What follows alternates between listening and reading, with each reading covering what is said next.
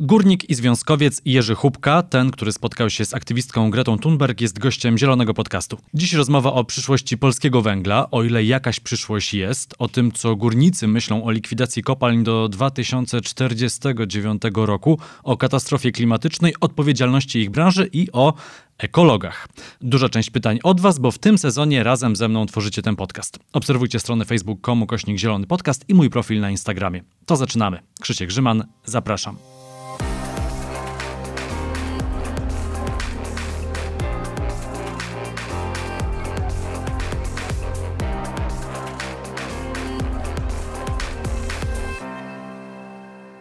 Gościem Zielonego Podcastu jest Jerzy Hubka, emerytowany górnik i cały czas związkowiec, wiceprzewodniczący Międzyzakładowego Związku Zawodowego Górników w Polsce na kopalni Makoszowy. Dzień dobry. Dzień dobry. Woli jeszcze tak, tak. sprostowania, woli sprostowania jeszcze nie jestem na emeryturze, jestem na urlopie przeróbkarskim około jednego roku, dokładnie do przyszłego roku, do lipca. To bardzo przepraszam, to rzeczywiście było e, niedokładne, ale potem emerytura, tak? A potem dopiero emerytura pomostowa, bo to może to by wyjaśniało, czy inaczej trzeba było wyjaśnić, e, skąd się to bierze. Otóż e, z, z chwilą likwidacji kopalń, tu mówimy o tych osłonach, e, które, do których aspirują górnicy, Mamy odprawy, mamy urlopy, tak zwany urlop górniczy dołowy czteroletni, mamy też urlopy przeróbkarskie trzyletnie z chwilą, gdy zakład jest zamykany. No ja akurat skorzystałem z urlopu przeróbkarskiego trzyletniego, mimo że powiem szczerze, nie chciałem korzystać z tego urlopu, chciałem dalej pracować. No niestety tak sytuacja się utworzyła, nie inna i dlatego obecnie tak to wygląda. Bo dodajmy jeszcze, że kopalnia Makoszowy jest w likwidacji. Tak, dokładnie tak. W 2049 roku ma nastąpić całkowite zamknięcie kopalń w Polsce, wtedy ma zostać zamknięta ostatnia. Co pan myśli, jak pan słyszy tę datę? To jest późno, wcześnie, może zupełnie coś innego? Znaczy, znowu musiałbym troszkę sprostować. No, y, z chwilą podpisania porozumienia, które nastąpiło bodajże tydzień temu, y, mowa jest o, wyłącznie o zamknięciu kopalń Polskiej Grupy Górniczej, czyli y, tak zwanego węgla energetycznego. Natomiast pamiętajmy o tym, że jest też, jeszcze jest druga spółka, tak zwana jaszczębska spółka, która wydobywa węgiel koksujący, który jest potrzebny przede wszystkim dla wyrobu stali i nie tylko. I ta spółka w tym momencie nie ma, e, jakby inaczej, nie podlega temu porozumieniu. To jest bardzo ważne, bo być może społeczeństwo też nie zdaje sobie z, z tego sprawy. To po pierwsze. Po drugie, jeżeli już tak mówimy, pan redaktor chciałby znać moje zdanie. No ja mam mieszane uczucia, bardzo mieszane uczucia z uwagi na to, że porozumienie tak de facto jakby tylko y, zyskało na czasie, tak to powiem w kwestii górnictwa polskiego, a nie inaczej. Takie jest moje zdanie. A co, a co pan ma na myśli mówiąc... mówiąc... ten temat. No właśnie, a, a co pan ma na myśli mówiąc, że, że, rozumiem, że to rząd zyskał na czasie tak naprawdę? I rząd, i górnicy, bo proszę sobie y, przypomnieć pierwszą wizytę y, ministra Sasina y, jeszcze w sierpniu bodajże y, na Śląsku, kiedy miał zakomunikować, że będą zamknięte cztery kopalnie, a także y, ograniczenie wypłat górników o 30%. W tym momencie poniekąd, tak można powiedzieć, wyśmiano ministra Sasina i, i nic nie zyskał. Natomiast, natomiast y, kolejne rozmowy miały nastąpić właśnie we wrześniu. Miała być stworzona grupa, zespół, który wypracuje jakieś sensowne, bym powiedział, opracowania dla mm, transformacji górnictwa. No i to niby nastąpiło. Natomiast twierdzę, że tak nie do końca. Ja mam o tyle mieszane uczucia, że przecież tak na dobrą sprawę podpisano coś no, po górniczemu, co się nie trzyma kupy, tak to bym powiedział, bo przede wszystkim podpisano likwidację górnictwa e, węgla energetycznego, to raz, natomiast nie ma w, w tym porozumieniu ani słowa o tak zwanej prawdziwej transformacji, która powinna nastąpić, która powinna mieć miejsce. I co najciekawsze, kupiono może ten czas tylko z tego powodu, że ja jestem przekonany, że wszystko się opiera na tym, że e, porozumienie de facto jest podpisane, ale wymaga zgody e, Unii Europejskiej o e, pomoc publiczną z budżetu państwa. I już wiemy, że z tym będzie bardzo ciężko. No, ciężko, ja nawet twierdzę, że być może nawet niemożliwe, bo proszę zauważyć, Unia Europejska, czy może inaczej, przedstawiciele Unii Europejskiej, widząc porozumienie, w którym nie ma ani jednego zdania o transformacji, o ewentualnej jakby zasileniu nowoczesnych technologii w tym górnictwie, tylko i wyłącznie mowa jest o likwidacji, to wydaje mi się, że to jest takie, takie puste porozumienie, które nie do końca jakby jest zrozumiałe ani przez społeczeństwo, ani przede wszystkim przez górników, żeby to chcę podkreślić, nie przez przedstawicieli strony społecznej czy rządu, tylko zwłaszcza braci górniczej i to mnie najbardziej boli. No ale z drugiej strony, czego się można było spodziewać po porozumieniu, które podpisano w tak szybkim czasie? Pełnomocnik no. rządu pojechał, e, porozmawiał i raz, dwa wraca, wraca z sukcesem. No to się nie może tak szybko odbyć, to chyba logiczne. No dokładnie. Właśnie powiem w ten sposób, że skoro, e, skoro miał powstać zespół, który powinien się, jakby to powiedzieć, dogłębnie zastanowić nad e, ewentualną transformacją górnictwa, nad, nad w ogóle pozycją, w której dzisiaj jesteśmy w kwestii górnictwa i i, i tego, tego, jakby to powiedzieć, marazmu górnictwa, no to wydaje mi się, że powinni to być eksperci, eksperci zarówno z uczelni typowo górniczych, jak również eksperci od spraw ekonomicznych, y, tudzież, y, tudzież spraw y, typowo społecznych i powinni wówczas wypracować jakiś rzeczywiście sensowny plan, który by pozwalał na to, żeby były te przeobrażenia. Ja podkreślam te przeobrażenia w górnictwie, a nie stricte likwidacja górnictwa bez jakbyś takich okresów przejściowych. To mnie boli najbardziej tym wszystkim, bo, bo ja uważam i twierdzę jeszcze jedno, że górników oszukuje się od wielu lat. Naprawdę od wielu lat, gdzie praktycznie są poniekąd takim mięsem armatnim dla y, czy to wyborów, czy to y, różnych interesów poszczególnych władz, decydentów, polityków, którzy akurat y, zarządzają naszym państwem. No ale można też powiedzieć, że trochę górnicy y, temu rządowi od kilku lat sami dają się ogrywać, bo idą dość w ręka w rękę y, z aktualnym rządem, czy to wcześniej z Beatą Szydło, czy to teraz z Mateuszem Morawieckim. No tak. i jednak wy wspieracie rząd, rząd, no można powiedzieć, wspiera was. No tak, tu ma pan rację niewątpliwie, tylko ja powiem jeszcze w ten sposób. No, górnicy, brać górnicza, mam na myśli zwykłych górników, zjeżdżają na dół, żeby pracować, ciężko pracować i przecież y, powiedzmy sobie to jasno i czytelnie. Górnik zjeżdżając na dół, naraża swoje życie. Daje od siebie y, naprawdę kawał szczerej, prawdziwej pracy i z tą myślą zjeżdża i pracuje. I od niego nie zależy, kto zarządza tym górnictwem, kto podejmuje decyzję, tylko on wykonuje swoją pracę. I tym boleśniejsze to jest to, że potem jest ten górnik, jako ten zwykły górnik manipulowany, manipulowany od lat. Ja może teraz, nie wiem panie redaktorze, na ile mamy czasu, mamy. ale chciałbym nawiązać, mamy? Pewnie. Mamy czas. Chciałbym nawiązać do, do historii, że tak powiem, a mianowicie do momentu, kiedy był plan Balcerowicza. Otóż y, jednym z takich kotwic hamujących było zamrożenie ceny węgla. To był jeden z elementów planu Barceowicza.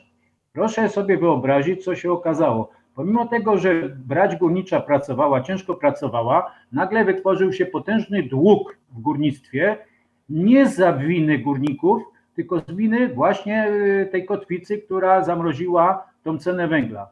I proszę sobie wyobrazić taką kwestię. Proszę Państwa, jeżeli wówczas y, górnictwo posiadało potężny majątek w postaci szkół, przedszkoli, szpitali, osiedli, mieszkań, y, ośrodków wypoczynkowych, to był potężny majątek. I co się okazało po latach, kiedy ten dług y, górnictwa niezawiniony przez górników narósł do olbrzymich kwot, to w tym momencie górnictwo oddało za darmo, tak bym powiedział, majątek, ten potężny majątek miastom, czy inaczej do budżetu państwa.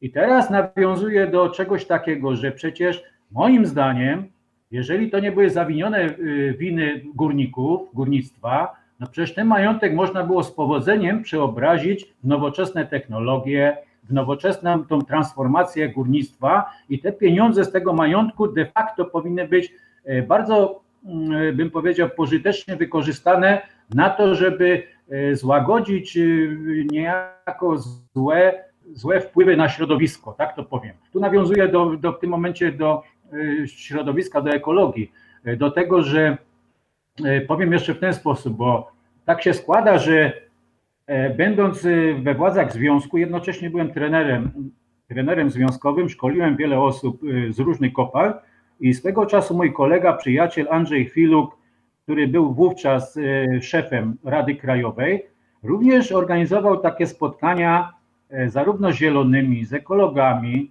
e, ze środowiskami, które chciały, że tak powiem, przeobrażeń e, w odnawialnych źródłach energii. I proszę sobie wyobrazić, że takie spotkania miały miejsce, czyli z jednej strony mm, byli przedstawiciele właśnie ekologów, zielonych, tudzież właśnie środowisk, środowisk Y, źródeł odnawialnych. Z drugiej strony była grupa górników z różnych kopalń, bo to, tych szkoleń, takich spotkań, sympozjów było dużo więcej i proszę sobie wyobrazić w pierwszej chwili, można powiedzieć, że okopaliśmy się jako górnicy, tak samo z drugiej strony też, bo próbowaliśmy sobie narzucić, jakby to powiedzieć, swoje racje, nie słuchając siebie wzajemnie. Ale to było na początku. A potem okazuje się, potrafiliśmy sobie znaleźć płaszczyznę, która spowodowała, że możemy znaleźć y, wspólne zdanie, wspólne jakby rozwiązanie, oczywiście na zasadzie ewolucyjnej, a nie rewolucyjnego rozwiązania, bo tędy jest droga.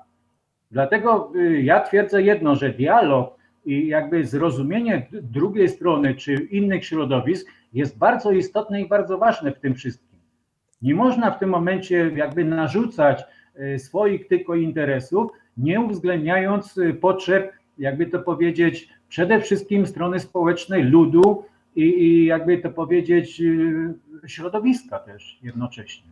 Problem wydaje mi się polega trochę na tym, że jest już strasznie późno. Ja pamiętam reformy wprowadzane przez Jerzego Buzka i ministra Steinhoffa tak. na Śląsku. To było lata temu, a potem mamy taki ciąg kilkunastu, jeżeli nawet już nie więcej lat, gdy nie zrobiono ze Śląskiem praktycznie niczego konstruktywnego. No i znajdujemy się teraz w roku 2020. Wiemy, że emisje musimy ścinać w tempie jak najszybszym i to nie ze względu na jakieś tam regulacje, tylko po prostu planeta tego wymaga.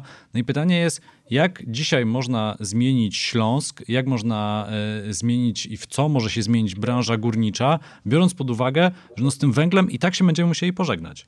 Tu, pan, tu ma Pan rację, Panie redaktorze, że troszkę jest nawet za późno, bo jeszcze nawiązując do tego tematu, gdzie można było to zrobić dużo, dużo wcześniej. Z racji tego, że e, były pieniądze, że e, rozmowy toczyły się przez szereg długich lat, twierdzę i podkreślam jedną bardzo ważną kwestię było tych reform tak zwanego górnictwa sporo. Ja twierdzę, że to nie były reformy górnictwa, tylko to były reformy, które pozorowały działania e, jakby transformacji górnictwa, a, a właściwie to, to od samego początku polegało na tym, żeby zamknąć jak najwięcej kopalń, odsunąć górników i tak dalej, co w tym momencie burzyło gniew e, braci górniczej i ja się wcale temu nie dziwię. Absolutnie się wcale nie dziwię, bo to jest, to było takie pozorowanie działań. To nie, reformy nie polegały na tym, że ma, ma, nie, nie, polegają na tym, żeby zamykać kopalnie, tylko polegają na tym, żeby na przykład wdrożyć te nowoczesne technologie, żeby y, twierdzę jeszcze coś takiego, że przecież już wiele, wiele lat wstecz z chwilą y, właśnie y, czasów premiera Jerzego Buzka, już dawno na terenach około górniczych, około kopalnianych powinny stać farmy fotowoltaiczne, gdzie energia z tych farm mogła spokojnie zasilać, e, zasilać wydobycie e, kopalń, powodując, że te e, obciążenie dla środowiska byłoby dużo niższe, a jednocześnie koszty wydobycia by zmalały. To by było już jakby takie połączenie w miarę, bym powiedział, ewolucyjne do tego, że jednocześnie zwiększamy moc produkcyjną, czy tam procentowo odnawialne źródła energii, a jednocześnie taki łagodniejszy sposób dajemy miejsca pracy dla tych górników, którzy by mogli spokojnie znaleźć pracę e, przy tych odnawialnych źródłach energii, a potem jeszcze, przecież nie jestem ekspertem, ale potem można by było wymyśleć kolejne e, jakby takie przejściowe e, miejsca pracy, które by spowodowały, że łagodnie byśmy przeszli do tego systemu, który niejako wymaga od nas Unia Europejska, natomiast też jeszcze chciałbym podkreślić jedno, że przecież y, z racji tego, że nasza gospodarka y, krajowa przecież opiera się na, przynajmniej na dzisiaj, na energetyce węglowej, no to przecież to jest logiczne, że to musi być jakiś okres, który niejako spowoduje przejściowe, łagodne przechodzenie na inne źródła energii. I, I o tym też, jakby to powiedzieć, nie mówi się tak bezpośrednio, nie ma przygotowanego takiego planu perspektywicznego y, bezpieczeństwa energetycznego naszego państwa. To boli najbardziej. To jest moim zdaniem takie oszukiwanie społeczeństwa, a zwłaszcza też i górników. A czy w takim razie górnicy są otwarci na taką rozmowę? Są otwarci na rozmowę, w której mówi się jasno, z węglem musimy skończyć? Powiem teraz tak trochę paradoksalnie, nie do końca wszyscy, tak to powiem. No, proszę, proszę sobie przypomnieć, jak, jak, jak właśnie wrzuciłem zdjęcie z Gretą Thunberg i zostałem osądzony o czci wiary, wręcz jako zdrajca i tak dalej. Natomiast chcę podkreślić jedną rzecz, że wspominając wcześniej o tych spotkaniach, sympozjach, e, jeszcze e, jak kolega Andrzej Filuk był przewodniczącym, gdzie pod, też początkowo to burzyło krew w wielu kolegach górnikach, ale potem z chwilą, gdy wchodzili jakby w sedno e, tych zawiłowań, y, które podnosiliśmy na tych sympozjach, y, otworzyli oczy i zaczęli dyskutować. I dlatego też twierdzę, że samo to, że spotkałem się z Gretą Thunberg, proszę, proszę sobie wyobrazić jedno, czy dziecko w tym momencie jest winne temu, y, że głosi radykalne hasła. No, przez to, że głosi radykalne hasła, to przez to jest rozpoznawalne w świecie i niejako podkreśla problem w tym momencie środowiska, problem właśnie ekologiczny. I to jest istotne, bo gdyby to robiła łagodnie, to prawdopodobnie nigdy by się nie przebiła w mediach. Tak jest moje zdanie. E, to, to po pierwsze. Po drugie, chcę podkreślić wyraźnie, moim zdaniem, jestem o tym przekonanym, Greta Thunberg jako dziecko nigdy nie zamknęła i nie zamknie ani jednej kopalni, to raz. Lobby, które za nią stoi, bo to podkreślało wielu moich takich przeciwników, E, że to oni głównie w tym kierunku zmierzają. Tak na dobrą sprawę też nie zamknęło żadnej kopalni, to raz. I teraz uważam jedno, no przecież dialog jest potrzebny, przecież tak Greta Thunberg, która przyjechała do nas z własnej inicjatywy na kopalnię, bo przecież nie wiedziała, gdzie jest kopalnia Makoszowy, tylko poprzez właśnie te sympozja, poprzez e, WWF, z którymi e, w Warszawie współpracowaliśmy, otrzymała telefon do nas i poprosiła o spotkanie. My jesteśmy otwarci na takie coś, i twierdzę, że jest no może mniejszość w skali e, braci górniczej, która ma otwarte umysły, tak to powiem, ale jest spora grupa ludzi, która by porozmawiała na ten temat i, i zależnie od sytuacji, od rozmowy, być może inaczej by spojrzała na ten problem. A swoją drogą, jakie pan ma podejście do organizacji ekologicznych i do ruchów, takich jak na przykład młodzieżowy strajk klimatyczny? Bo ja odnoszę wrażenie, rozmawiając, a rozmawiam na te tematy bardzo dużo z bardzo wieloma osobami, że wszyscy ci, którzy głoszą hasło koniec z węglem, jednocześnie bardzo głośno i bardzo często podkreślają e, dwie sprawy. Jedna to jest e, uczciwa transformacja, a drugie to jest przyszłość terenów e, pogórniczych. I wydaje mi się, że są to osoby nie tylko zatroskane o klimat, ale też a może i przede wszystkim, to wszystko wynika z troski o ludzi, czyli de facto nie są przeciwnikami górników, są przeciwnikami węgla.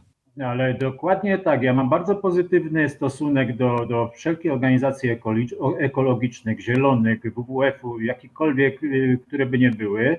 Bardzo pozytywny, bo uważam jedno, jeżeli będziemy rozmawiać, jeżeli będziemy przedstawiać sobie argumenty za i przeciw, jeżeli będziemy poszukiwać wspólnej płaszczyzny przede wszystkim, żeby nie krzywdzić w tym momencie żadnej ze stron, bo to jest istotne w tym momencie. Ja zawsze twierdzę, że człowiek jest na pierwszym miejscu. Nawet to może teraz zabrzmi jakby przeciwko y, ekologom, ale twierdzę, że człowiek będąc na pierwszym miejscu, przecież my żyjemy po to, żeby nam ludzkości było jak najlepiej, oczywiście z poszanowaniem środowiska. I tu jest problem właśnie, że jedno z drugim wydaje się początkowo, że to jest jakby, jakby nierealne, a ja twierdzę, że jest i to bardzo mocno pod jednym warunkiem, że będziemy poszukiwać właściwych rozwiązań z, z pożytkiem przede wszystkim dla ludzi, ale również dla środowiska i to idzie pogodzić. To jest bardzo ważne, że to idzie pogodzić. Panie Jerzy, mam trochę pytań od słuchaczy y, i y, zapowiadałem, że padną i że będą trudne. To zacznijmy od pierwszego. Pani Grażyna się pyta, czy zgadza się pan z opinią, y, że węgla bronią głównie związkowcy bojący się o swoje ciepłe posady? Bo w rozmowach z górnikami można usłyszeć, że węgiel się kończy i chodzi tylko o pracę, by móc utrzymać rodzinę, a przecież na każdej kopalni jest po kilka różnych związków zawodowych. Trudno powiedzieć, bo nie wiadomo, nikt z nas nie wie, jak dzisiaj wyglądają te związki zawodowe w praktyce, czy ktoś sobie siedzi w biurze i, i nie musi pracować pracować, bo jest tylko y, związkowcem. No ale takie można odnieść wrażenie patrząc z zewnątrz. To jak to jest? To pytanie do górnika i związkowca jednocześnie.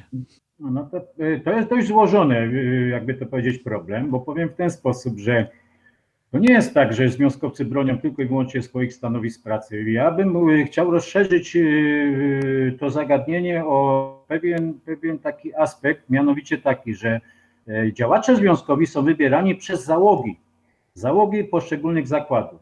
To oni reprezentują ich interesy, a, a co za tym idzie, właśnie y, jakby bronią, bronią y, czy to miejsc pracy, czy to y, właściwego podejścia do, do, do, do związkowania, tak to powiem. I co najciekawsze, jeżeli dany działacz związkowy zbyt postępuje asekuracyjnie, czy bym powiedział nawet bardzo brzydko, został w jakiś sposób przekabacony czy kupiony, w cudzysłowie, zwał jak zwał, bo to ludzie różnie do tego podchodzą, to przecież nikt inny, tylko właśnie załoga ma tą możliwość wyrzucenia go ze stanowiska, tylko że nie do końca te załogi o tym wiedzą. I teraz to jest tak, jak, jak bym powiedział, podobnie jak z politykami. Jeżeli są ludzie, którzy powiedzmy mają tą charyzmę, potrafią bronić tych interesów ludzi, potrafią uczciwie reprezentować y, te załogi, no to przecież w tym momencie nie dbają o swoje stanowiska, tylko dbają o te załogi, o tych ludzi. Natomiast oczywiście są, jakby to powiedzieć, czarne owce i, i bywają takie różnego rodzaju e, sytuacje, za które powiem szczerze, ja się sam wstydzę.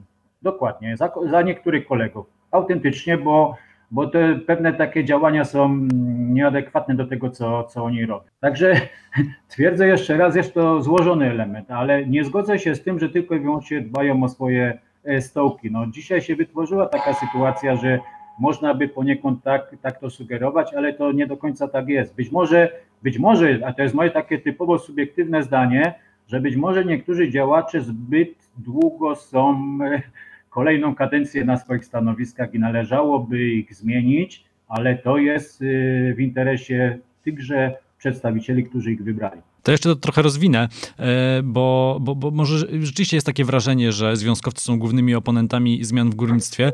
Ostatnio czytałem taki anonimowy wywiad e, z górnikiem w serwisie Okopres, w którym padają takie słowa, że nagminna jest praca w miejscach niedozwolonych, e, nagminne jest nieprzestrzeganie procedur bezpieczeństwa, a wszystko robi się po to, żeby kopalnia jakoś funkcjonowała, bo najważniejsze jest wydobycie węgla. No, tak mi się wydaje, jak ja bym był takim górnikiem, to nie wiem, czym tak długo chciał pracować w kopalni?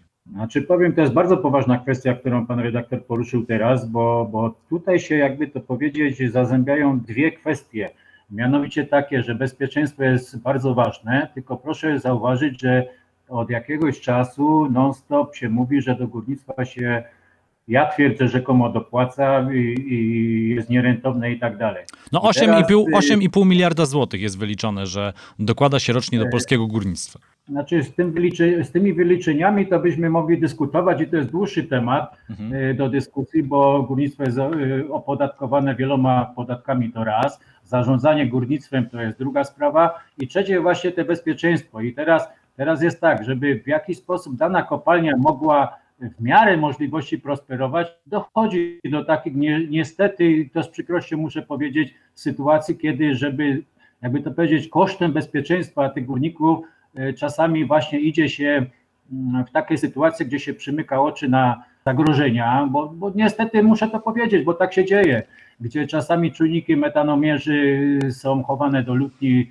ze świeżym powietrzem, po to tylko, żeby to wydobycie miało miejsce i, i tu nie powiem, że to związki są winne, tylko w tym momencie to załoga niejako y, jakby naciska i co najciekawsze w tym momencie, kiedy no nie wiem jak jest na innych kopalniach, kiedy myśmy na przykład momentalnie to y, negowali, to okazuje się, że ci ludzie, którzy tam pracowali na dole, e, to do nas mieli pretensje, że, że ingerujemy, bo oni chcieli dodatkowo zarobić więcej, to jest raz, ale przede wszystkim, żeby ta kopalnia nie, nie miała strat. I tu jest naprawdę, to, to jest smutne, smutny przykład, który pan redaktor teraz o tym mówi, ale takie coś ma miejsce. Stąd chcę podkreślić jeszcze raz, że brać górnicza, która zjeżdża na dół, ma niesamowite zagrożenie życia, presję, mobbing, bo i takie rzeczy się dzieją na tych kopalniach. I tym bardziej oni są oburzeni, że, że mm, nie ma prawdziwego dialogu, nie ma prawdziwej transformacji w tym górnictwie. To kolejne pytanie od Wojciecha. E, jakimi argumentami uspokoiłby pan górników, których czeka praca w innych branżach za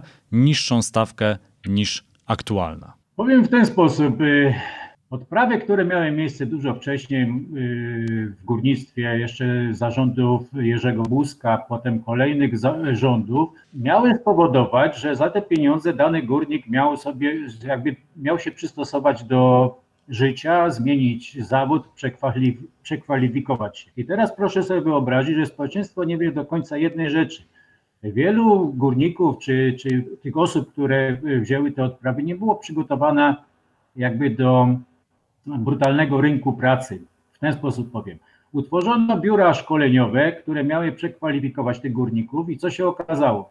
No tych kursów było wiele, tylko paradoksalnie, no jak zrobić z górnika E, w tym momencie e, bym powiedział e, fryzjera, czy też jakiegoś. No tak, to były ab absurdalne były te niektóre kursy, no, no, te takie coś. I co najciekawsze, ja twierdzę, że w tym momencie biura szkoleniowe, które korzystały z tej pomocy projektów unijnych, zarobiły na tym. Oczywiście przeszkolili, te kursy były pozałatwiane i teraz górnik miał przykładowo kwalifikacje fryzjera, florysty, czy tam magazyniera, bo i takie, no takie czasami nawet i praktyczne były wózków widłowych, ale co z tego, jak został potem postawiony, jakby to powiedzieć, czy rzucony na głęboką wodę i nikt mu dalej nie, nic nie pomagał.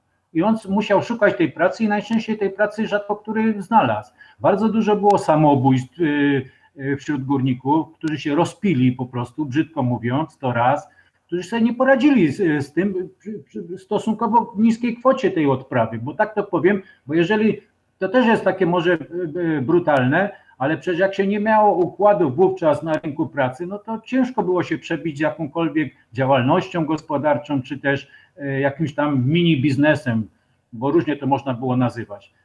To jest po pierwsze.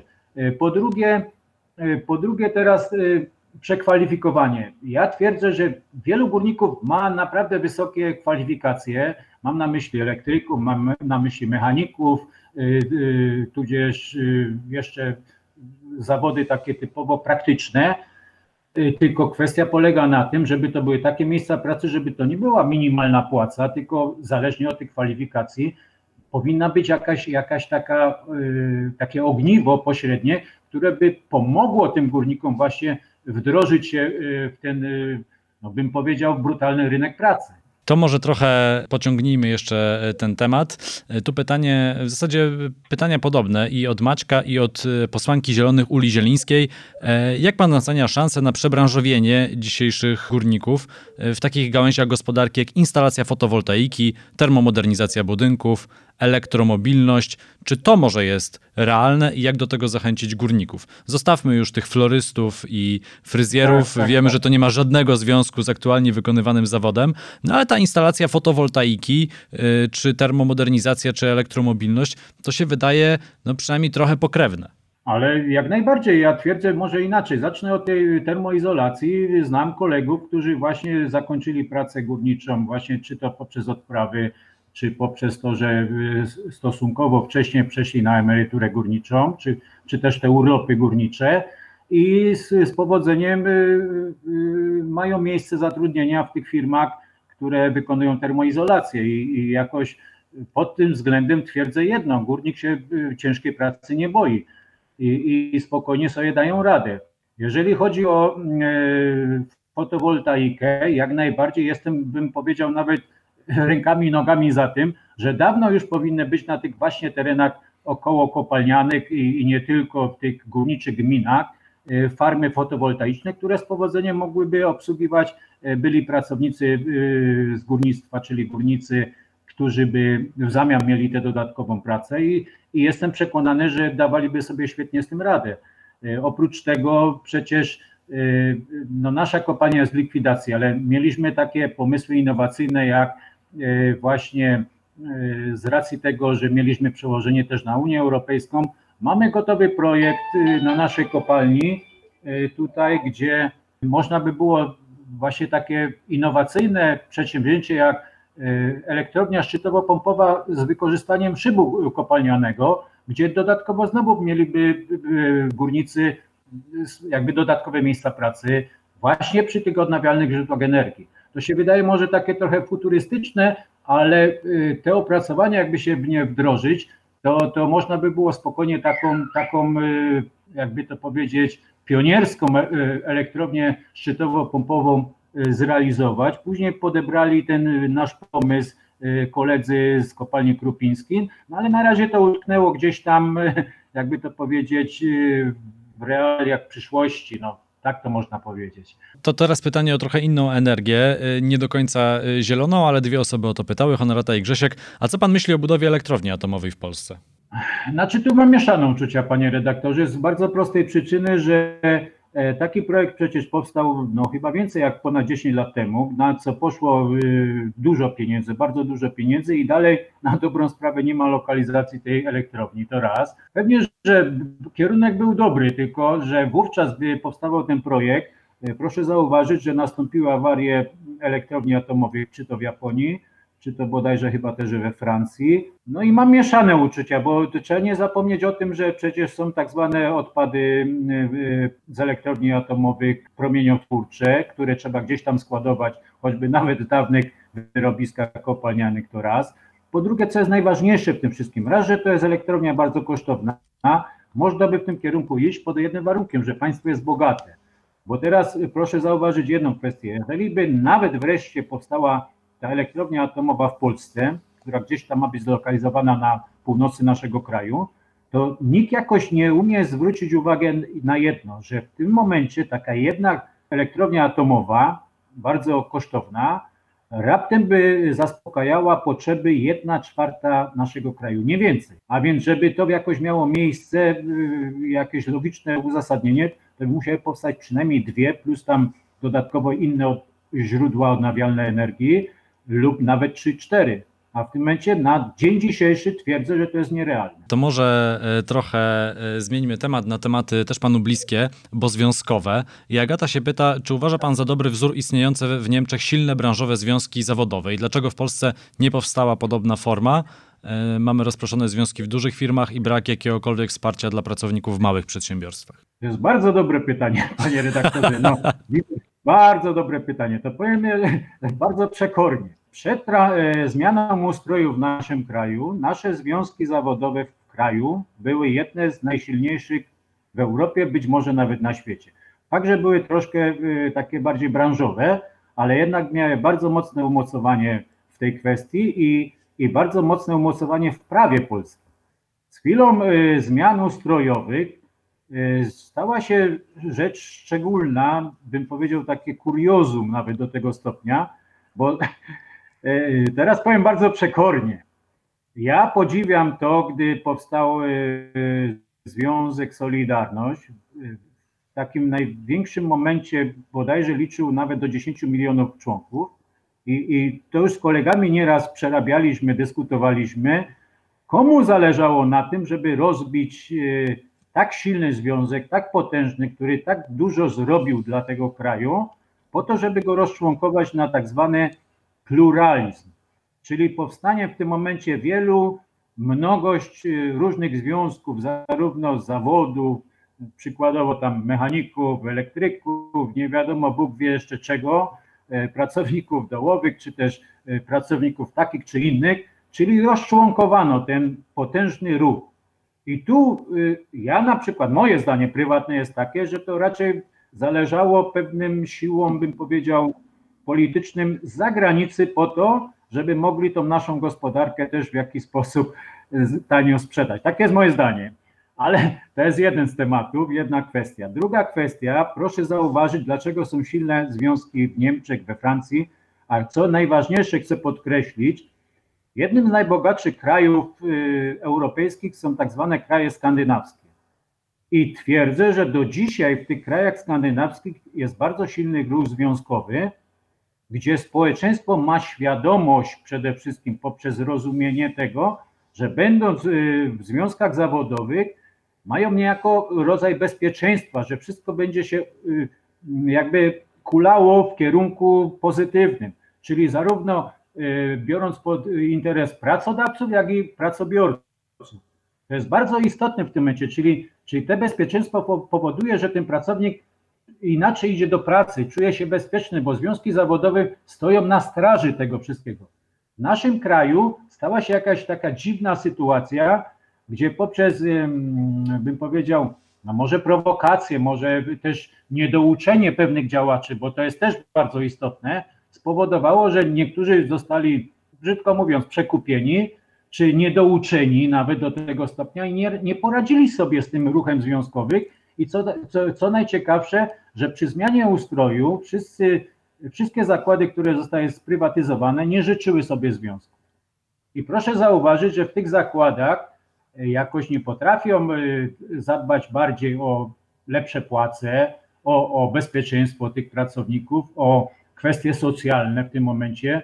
Y, ustawa o Funduszu Świadczeń Socjalnych, można powiedzieć, dzisiaj to ona jest na papierze, a de facto to tak różnie na nią można postrzegać i, i nie spełnia tych założeń, y, jakie, jakie były przez autorów tej ustawy lata, lata wstecz. Także ja uważam jedno, że w tym momencie jest po prostu brak zrozumienia pod tym względem. To teraz jeszcze e, wracając do e, klimatu, e, pytanie od Oli i Maczka. Jak widzi Pan przyszłość następnych pokoleń w dobie zmian klimatu i czy górnicy widzą potrzebę przeciwdziałania zmianom klimatu i na jakim poziomie jest w ogóle wiedza dotycząca wpływu wydobycia węgla na zmiany klimatu oraz konsekwencji, jakie to może spowodować? No na tą chwilę, panie redaktorze, ta, ta wiedza nie jest zbyt mocną stroną, że tak powiem, brać górniczej, bo tu jest potrzeba wielu wyjaśnień, potrzeba jest właśnie spo, y, wielu spotkań, sympozjów. To, co myśmy też wcześniej zapoczątkowali, jakoś to umarło z taką śmiercią naturalną. Nie ma tej świadomości. Prowokacje, które prowadzą zarówno media, ale i też politycy, powoduje, że jest zakłamanie.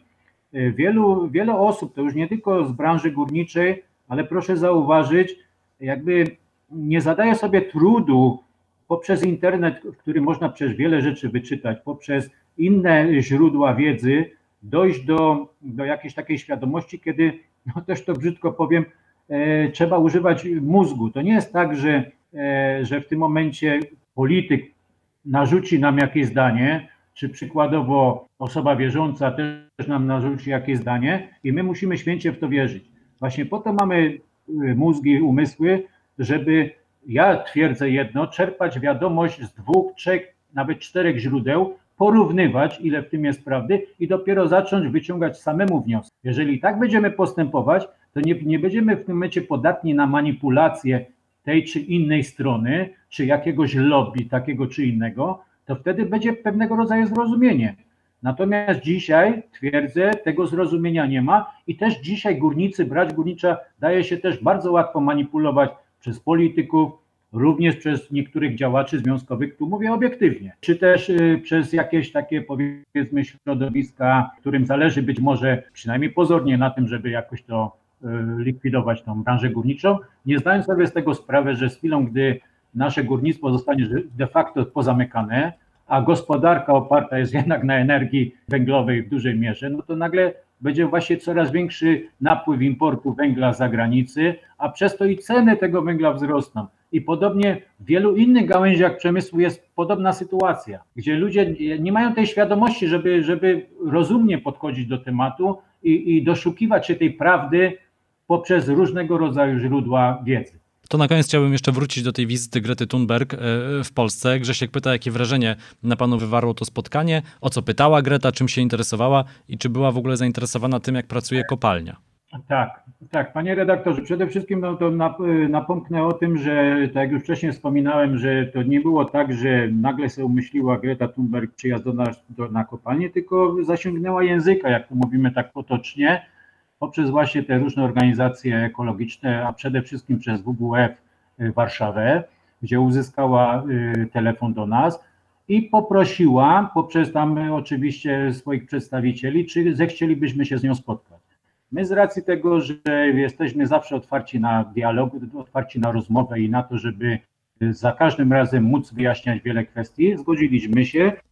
No i dlatego też y, ta grupa, y, czyli inaczej mówiąc Greta Thunberg wraz z ekipą y, ekipy telewizyjnej BBC przyjechała do nas na kopalnię.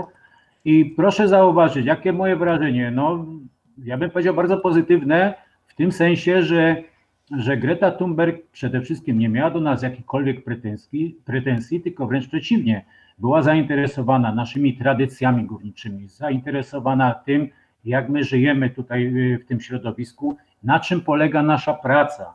Mało tego, gdy się dowiedziała, że kopalnia już jest w likwidacji, jak żeśmy to przyjęli, jak y, walczyliśmy nawet o, o byt tej kopalni, jak y, nasze rodziny to przyjęły. I o tym żeśmy przede wszystkim opowiadali i widzę, ja widziałem przynajmniej na twarzy tego dziecka wzruszenie.